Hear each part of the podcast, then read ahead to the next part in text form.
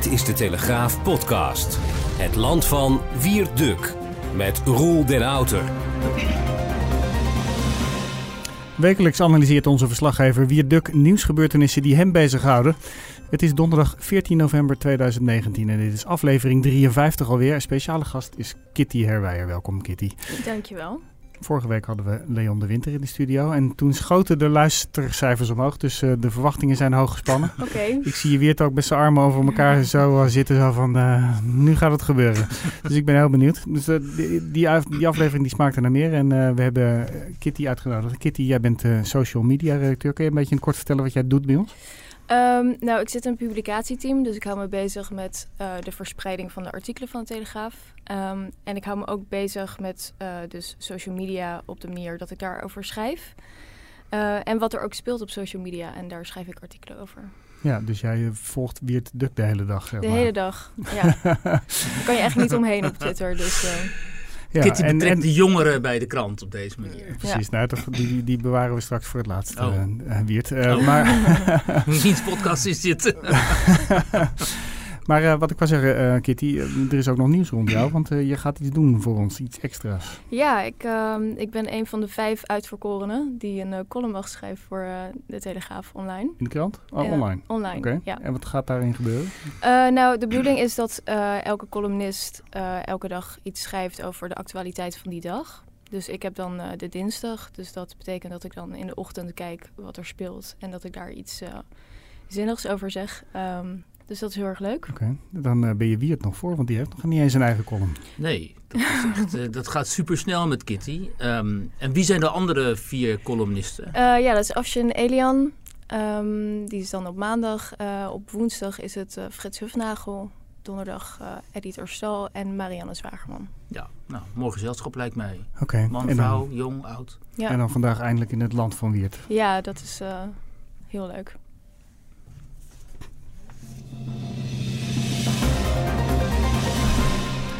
Ja, we praten natuurlijk uh, straks verder met Kitty, maar we willen ook graag weten wat jij vindt van de IS-bruiden en uh, onze eenzame moeder uh, Maya Bolder. Die waarschuwt voor het terughalen van IS, IS moeders. En we eindigen helemaal zen op de heide. Want Wiert heeft een verhaal over schaapherders en christelijke liederen. En ik hoop hem nog te kunnen verleiden. Dat christelijke liederen? Dat hij, ik hoop, nou, nee, ik hoop hem te verleiden dat hij iets gaat zingen op het eind. Oh, oké. Okay. Oké, okay, maar we starten natuurlijk eerst met het, uh, met het actuele nieuws. Dat is Amstelveen, hè? het Openbaar Ministerie. Twee dagen voor de officiële intocht heeft het uh, Openbaar Ministerie dagvaardingen gestuurd. Ja. Naar wie? Nou, ik meen 23 mensen die zich vorig jaar rond de intocht van Sinterklaas, de landelijke intocht, hadden schuldig gemaakt aan opruiing, belediging, laster, smaad op uh, social media. En een journaliste uh, van NSC, columniste, die heeft daar uh, aangifte van gedaan. Want ze was zelf ook uh, zeg maar bedreigd en belasterd.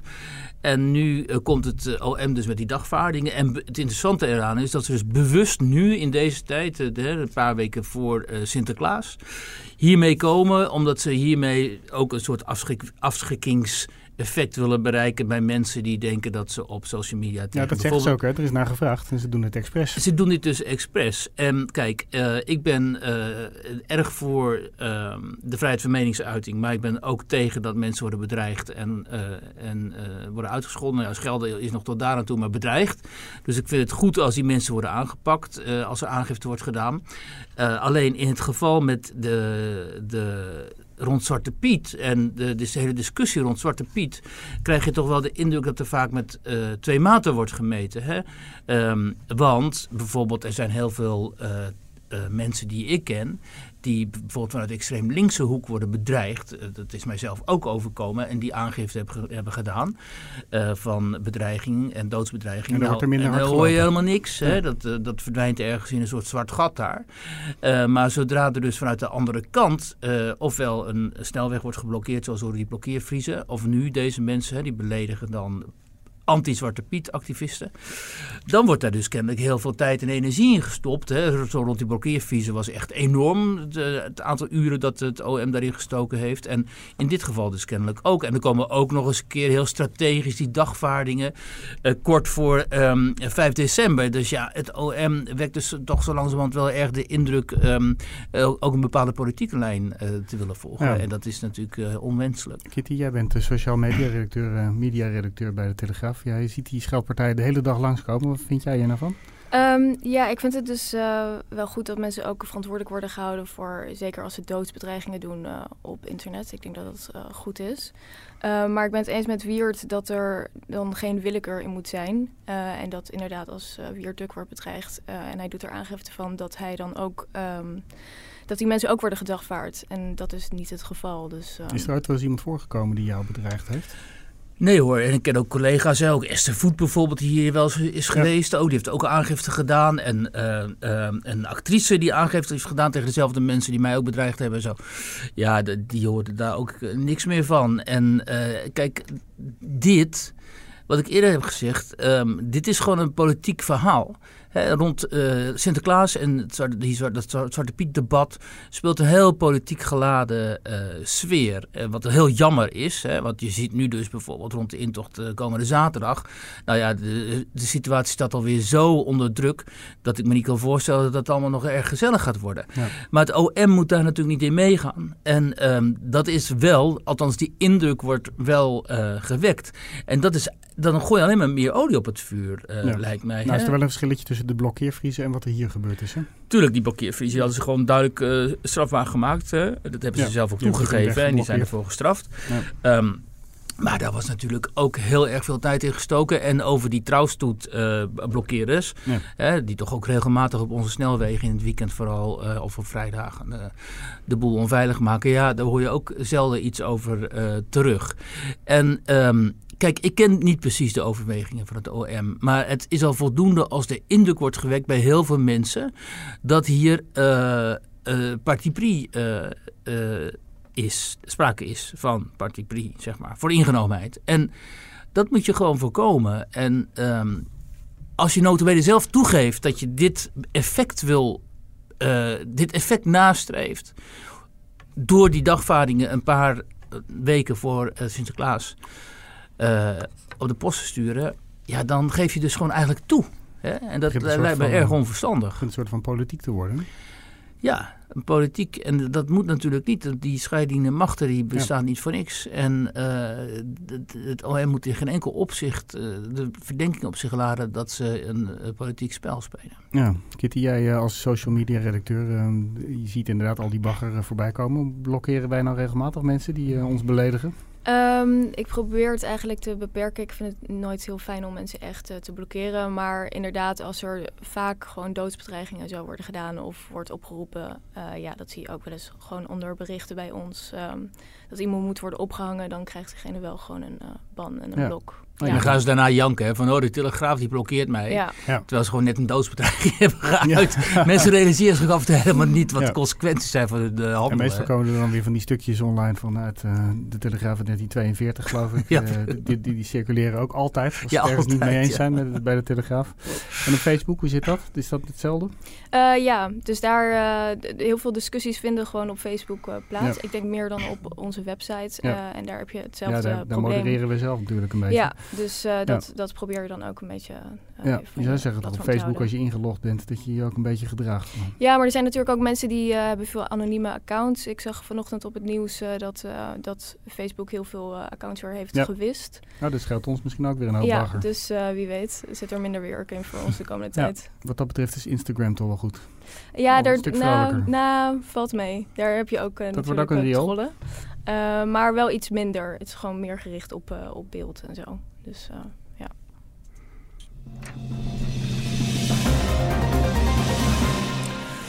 okay, deze week was in het nieuws dat uh, de rechter heeft besloten dat uh, IS-moeders um, hun kinderen naar Nederland mogen komen. -huh.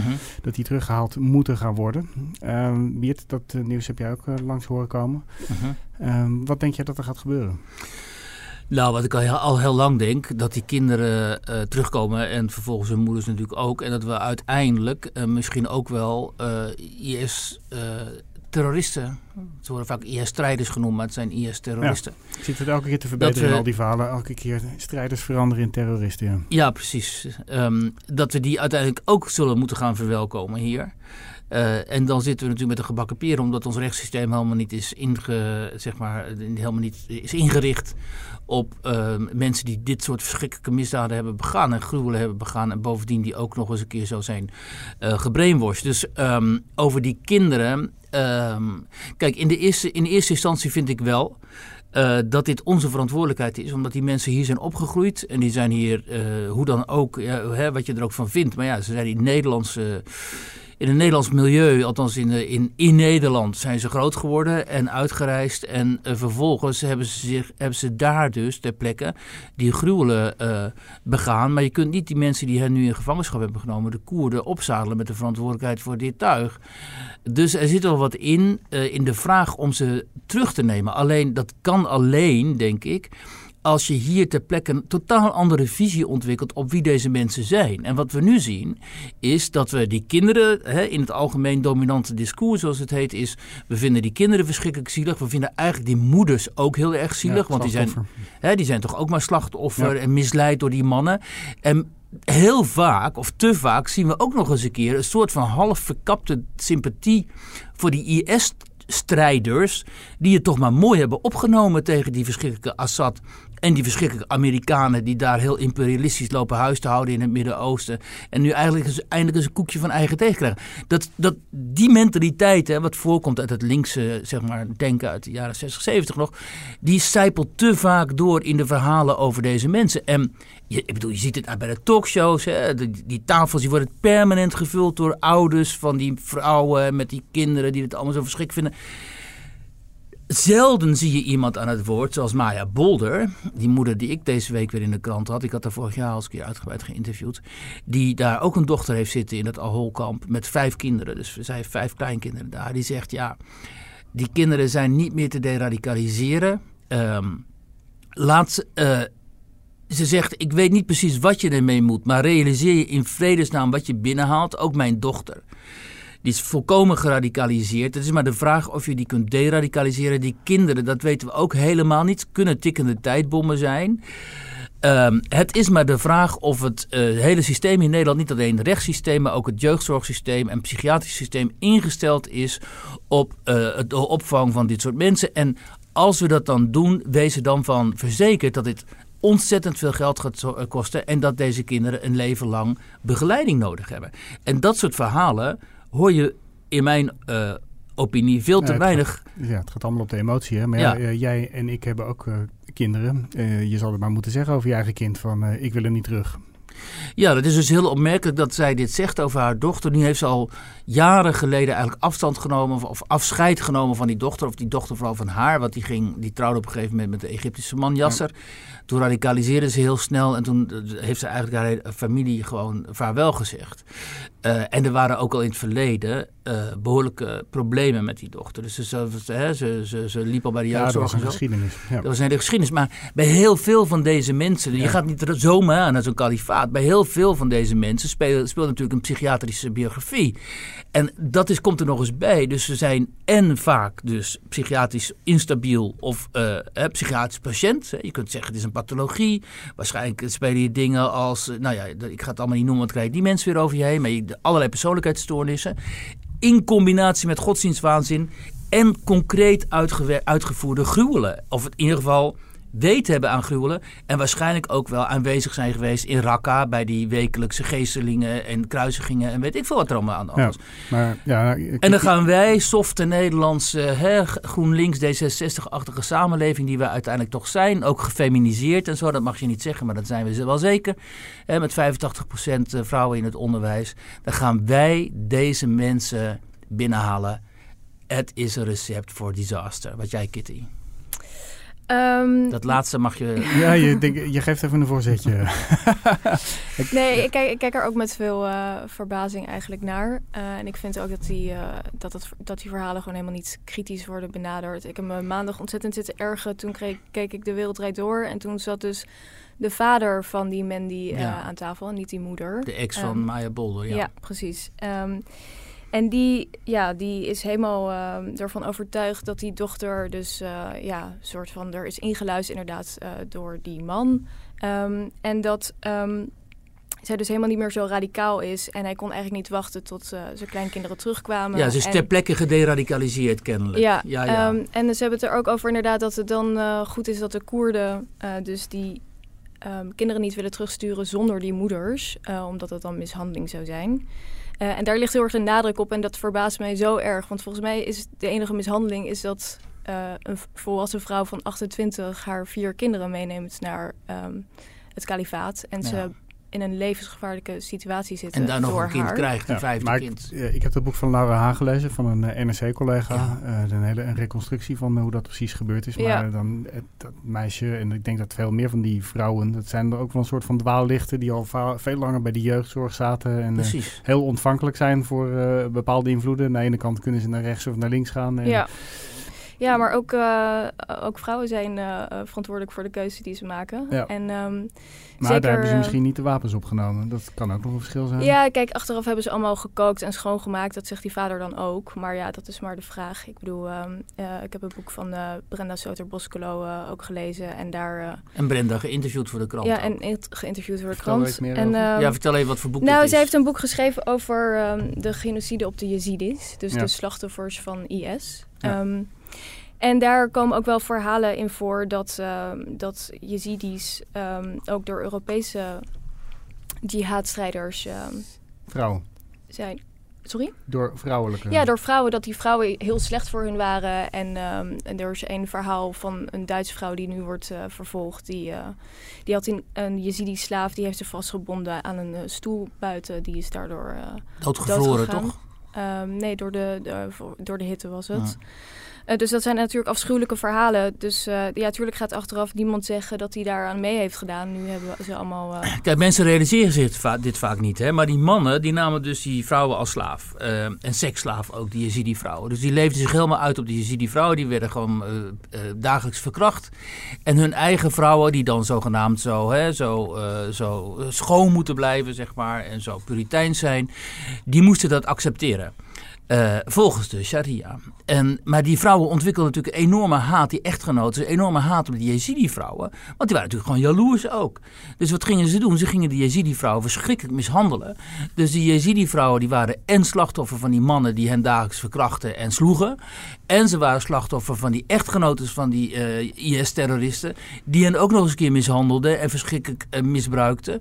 Omdat die zo jaloers waren op die hele seksuele geschiedenis tussen die, tussen die en, en, en slavenhouder eigenlijk. Weet je, dit zijn totaal verknipte, gestoorde, psychopathische toestanden waar die mensen Maar in geleefd hebben. bent historicus, hè? Je hebt, eh, als je dit nou vergelijkt met de situatie met de SS'ers in de, de- in de Tweede Wereldoorlog aan het eind, die nou, terugkwamen dan kun je het ongeveer eh, eh, vergelijken. Daar zijn er een heleboel niet van vervolgd. Hè? Pff, inderdaad, en vooral in Duitsland, hè, heel veel SS'ers die zijn gewoon daarna weer het publieke leven Ja. ingegaan. Of zelfs in het Nederlandse leger gegaan naar, naar, naar ons Indië. Ja, maar we hebben hier dus te maken met de hardcore afdeling SS aan het Oostfront. Hè. Dat is een bepaald type, totenkop, noem maar op, die daar massaal Joden en andere mensen liepen dood te schieten. En hun vrouwen, hè, is het, dus dat wijs ik telkens op, dat fantastische boek eh, over Hitlers Furien, waarin dan anekdotes staan als die mannen, die staan dan die, de godganse dag Joden dood te schieten en de vrouwen die komen dan even voor hen zorgen. Die nemen een stoeltje mee en een tafeltje en koffie met koegen. Want ach, ach, die arme mannen van hun, die hebben het zo moeilijk daar in, met, bij weer en wind Joden te executeren. Oh, oh, wat hebben die het erg. Dat is precies vergelijkbaar wat daarin, met wat daar in het kalifaat gebeurd is. In dat boek Hitler's Furien staan ook anekdotes over een vrouw, een echtgenote van een kampcommandant, die er genoegen inschiet bij feestjes een pistool te pakken en dan uh, persoonlijk uh, joden dood te schieten. En dan stond haar kind, haar, uh, haar, dochtertje, stond in de handen te klappen van, van vreugde. Van kijk, weer, een, weer, een, weer eentje, weer raak geschoten. Ja, maar die vrouwen zijn waarschijnlijk ook allemaal nooit vervolgd geweest? Een aantal daarvan is ze dood veroordeeld. Hè? Dat toch wel, het interessante er ook ja. aan is, ze waren altijd heel jong. Hè? Ook net als in dit geval. Veel van die, dat onderschatten vaak, maar ook in die, in die politieke leiding van, dit is goed even een zijweg, in de politieke leiding van de naties zo waren er heel veel jonge mensen. En ook in die, onder die, die kampcommandanten en zo, en die SS-leiding, dat waren uh, dertigers vaak. Uh, maar een groot aantal van deze mensen is wel degelijk veroordeeld natuurlijk. Ook van de vrouwen. Hè. De, grote, de grootste kopstukken die zijn ter dood veroordeeld of levenslang of hebben zelfmoord gepleegd. Uh, maar als het destijds niet massaal is gebeurd, omdat het zo massaal was, dan hoeft dat natuurlijk niet te betekenen dat wij diezelfde weg gaan volgen en dat wij ons ook daarvan gaan onthouden. Wat we moeten doen is, en wat we al langer moeten doen, is een internationaal tribunaal opstellen voor deze mensen. Onder, onder um, uh, de, de, de, het dak van misdaad tegen de menselijkheid. En uh, deze mensen liefst ter plekke uh, berechten. Maar ja, dat, dat, komt maar niet van de grond. Pieter Omtzigt, de Kamerlid van het CDA, pleit hier al heel lang voor. Maar het is er maar steeds niet. Uh, uh, je had ook zoals de Fransen hebben gedaan, de, de belangrijkste kopstukken daar uh, door je special forces kunnen ja, laten maar je loopt liquideren. het risico dat daar de doodstraf wordt uitgevoerd. En er zijn in Nederland zijn we tegen regimes die de doodstraf uitvoeren. En hebben ze liever dat die mensen hierheen komen. Ja, dat is dus een persoonlijke vraag dan. De? VVD had laatst gezegd dat ze er geen moeite mee zouden hebben. Nou ja, Dylan daar een- Jitselgus, uh, niet Jitselgus, maar Jitselgus, begrijp ik. Want Ah. dat wordt ook altijd maar fout gezegd. Eh, prominent inmiddels Kamerlid voor Ja. de VVD, die op rechts eh, telkens allerlei vanuit de heup mag schieten tegenwoordig. Mhm. Die eh, komt in, in dit geval wel, wel, eh, wel eh, eh, hoe heet dat? Nou, nou goed, ik, ik kom er zo wel op.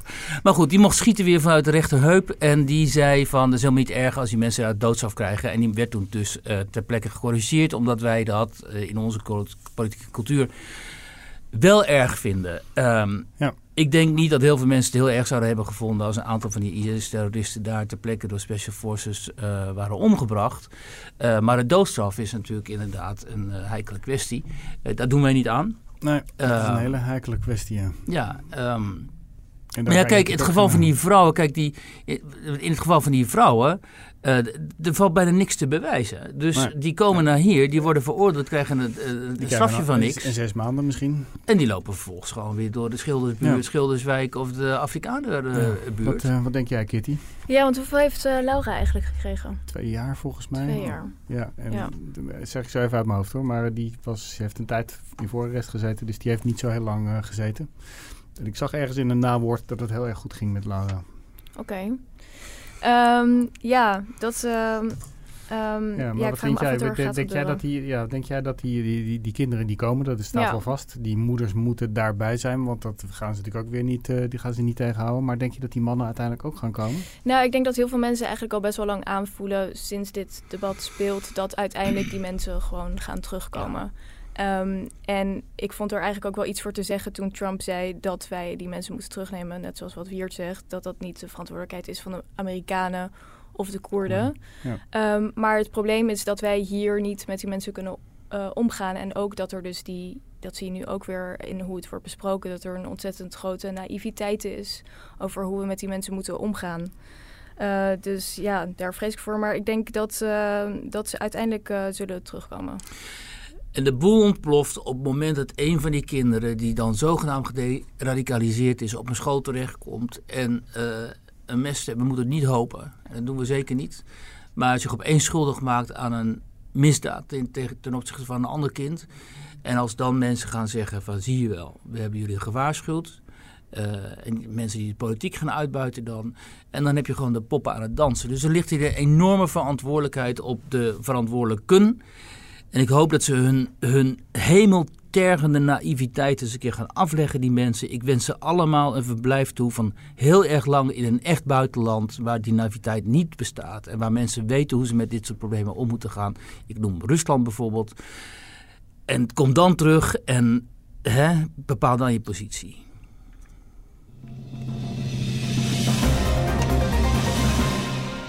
Wiert, we kunnen gelukkig helemaal zen afsluiten. met schaapherders. Je had vandaag een verhaal in de krant. Ja, ehm, in, ehm, in mijn wekelijkse pagina uh, uh, trek ik het land in. En uh, op de heide bij Elspet is een familie Mouw die daar al eigenlijk eeuwen ja. schaapherder is.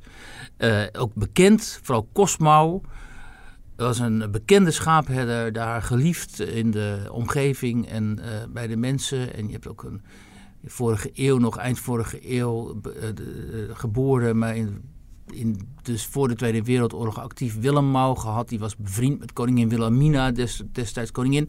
Die ging daar vaak schilderen op de hei en dan ging ze even met hem een praatje maken over, de, over het leven en zo. En hij is ook drager geweest van haar baar. Dus het is een familie met een hele duidelijke geschiedenis in die streek.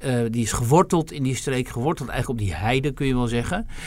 En um, uh, nadat Cosma was overleden heeft zijn vrouw Christine dat overgenomen. Um, maar die kreeg uiteindelijk vanuit de stichting die dan die kudde daar beheert... een andere herderin naast zich. En dat is dan een jonge, le leuke, knappe vrouw uit Utrecht met een webshop ook een grafisch designer. En die vindt het ook wel leuk om in de natuur te wandelen. Heeft ook die herdersopleiding gedaan. Is de toekomst. En, en, die kreeg die toekomst. Ja, precies. Die kreeg die kudde onder ogen. En als je dan ziet naar die website, dat ziet er allemaal fantastisch uit. Hele mooie foto's.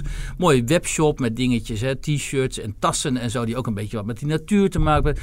Er komt de, on, je krijgt dus echt zo veel goed uh, uh, gevoel uit de hoek van GroenLinks en zo, weet je wel dat. Um, maar, en, maar, maar die, toen. Wat zeg je? Maar toen. Maar toen, um, toen begon Christine Mouw, die dus gewoon jaar, decennia lange ervaring heeft met die schapen en zo. Die begon zich een beetje te bemoeien met hoe het daar ging.